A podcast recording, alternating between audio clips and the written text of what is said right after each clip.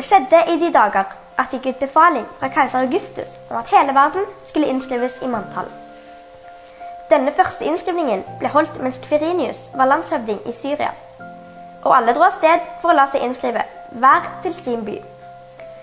Josef dro da fra byen Nasaret i Galilea opp til Judea, til Davids by Betlehem, siden han var av Davids hus og ett, for å la seg innskrive sammen med Maria, som var lovet bort til ham, og som ventet barn. Og mens de var der, kom tiden da hun skulle føde, og hun fødte sin sønn, den førstefødte. Hun svøpte ham og la ham i en krybbe, for det var ikke husrom for dem. Det var noen gjetere der i nærheten, som var ute på marken og holdt nattevakt over flokken sin. Med ett sto en Herrens engel foran dem, og Herrens herlighet lyste om dem. De ble overveldet av redsel, men engelen sa til dem. Frykt ikke, se, jeg forsyner dere en stor glede, en glede for hele folket. I dag er det født dere en frelser i Davids by. Han er Messias, Herren. Og dette skal dere ha til tegn. Dere skal finne et barn som er svøpt og ligger i en krybbe. Med ett var engelen omgitt av en himmelsk hærskare, som lovpriste Gud og sang. Ære være Gud i det høyeste, og fred på jorden blant mennesker Gud har glede i. Da englene hadde forlatt dem og vendt tilbake til himmelen, sa gjeterne til hverandre.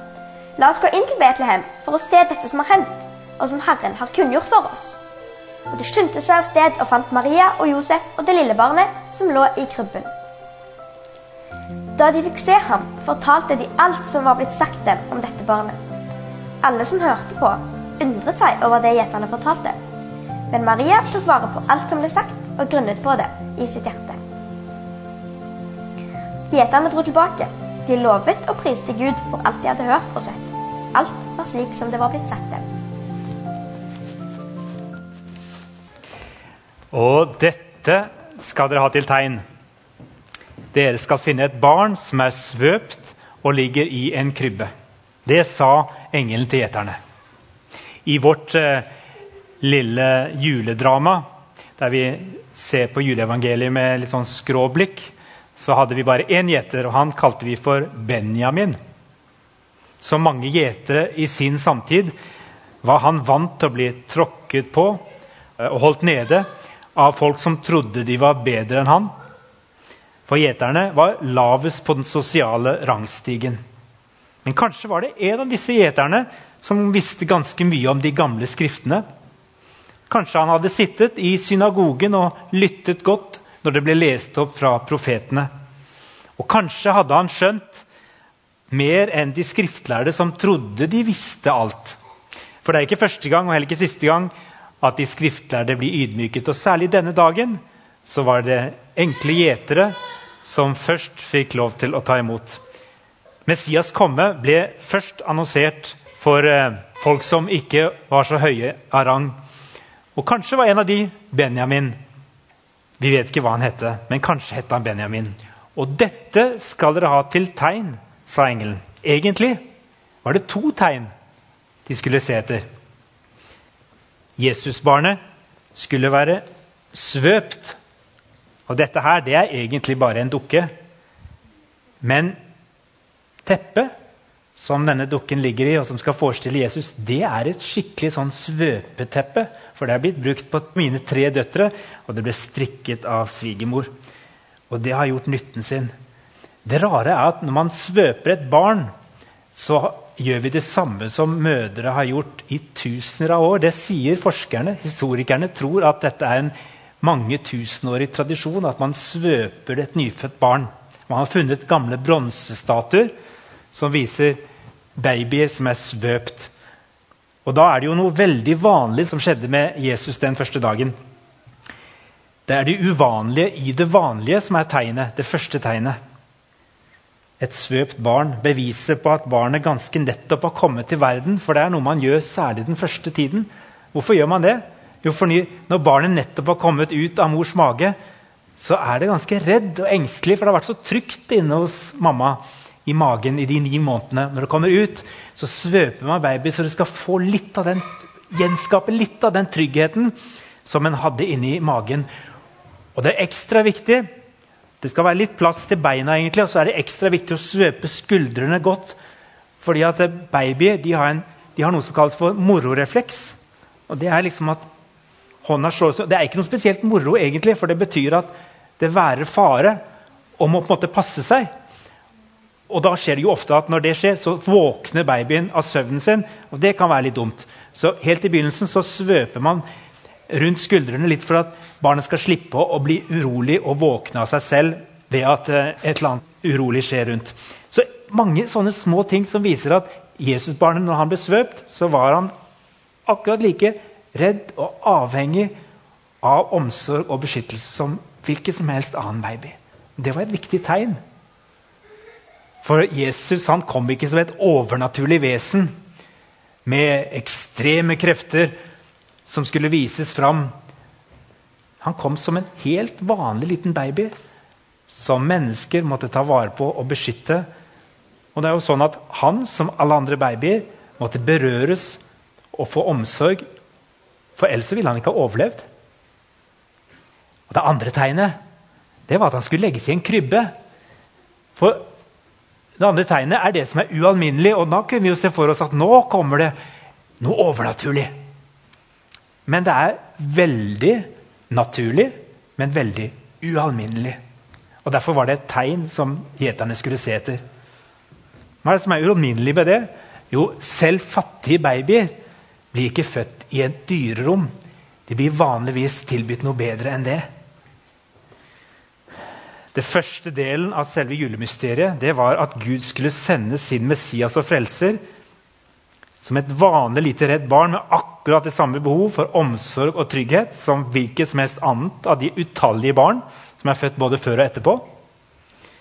Og det andre tegnet det var at han ikke skulle bli født i et slott eller bak en festning for å beskyttes som noe spesielt. Nei, han skulle bli født til og med i en krybbe. Like vanlig som det var at en nyfødt baby måtte bli svøpt, like uvanlig var det at et nyfødt barn ble lagt i en krybbe i et dyrerom. Selv ikke de fattigste ble det. Og hvem kunne forvalte denne forunderlige visdommen på en trygg måte å være ambassadører for juleevangeliet?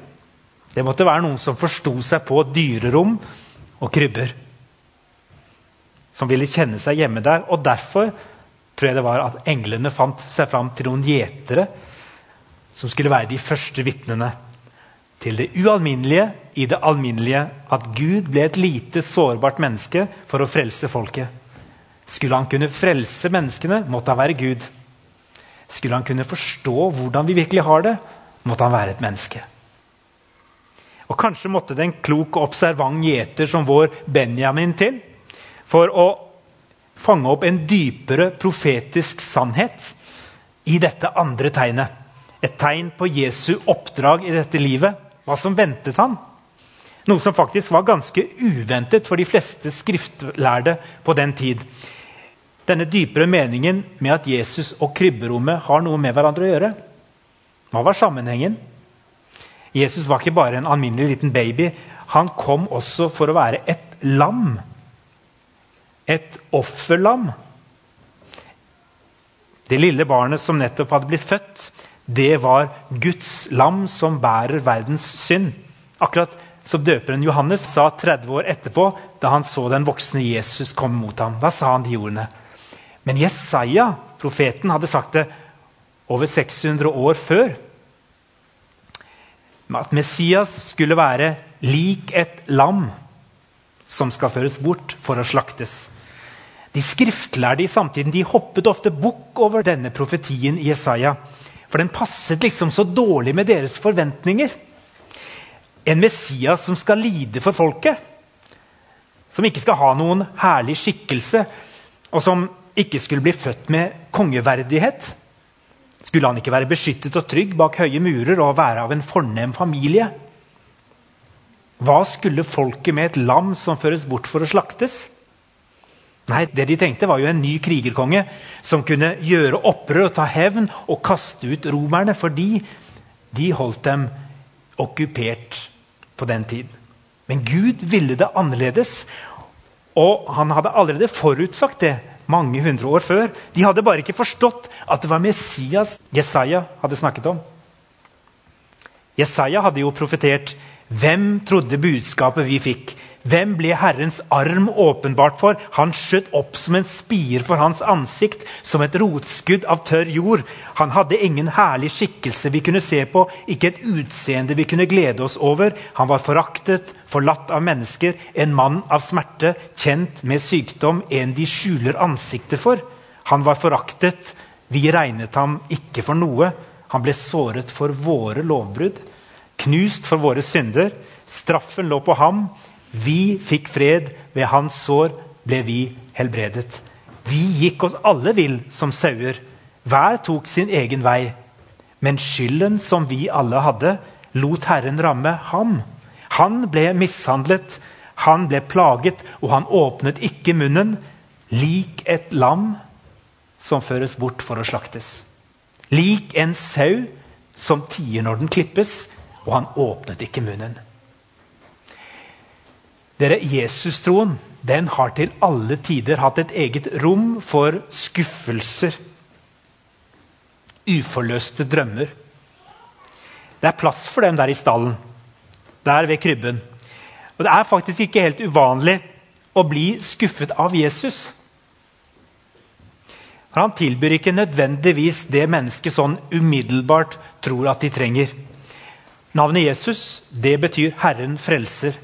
Og Det var kanskje den samme engelen som viste seg for gjeterne på marken, som også hadde vist seg for Maria flere måneder før. Og hun hadde sagt til Maria navnet på det barnet du skal få, skal være Jesus, for han skal frelse sitt folk fra sine synder. Jesus betyr 'Herren frelser'. Se der Guds lam som bærer verdens synd. Synd er jo et ord som nærmest er blitt fremmed for oss i vår tid. Men det betyr ikke at menneskets grunnleggende situasjon overfor Gud er forandret.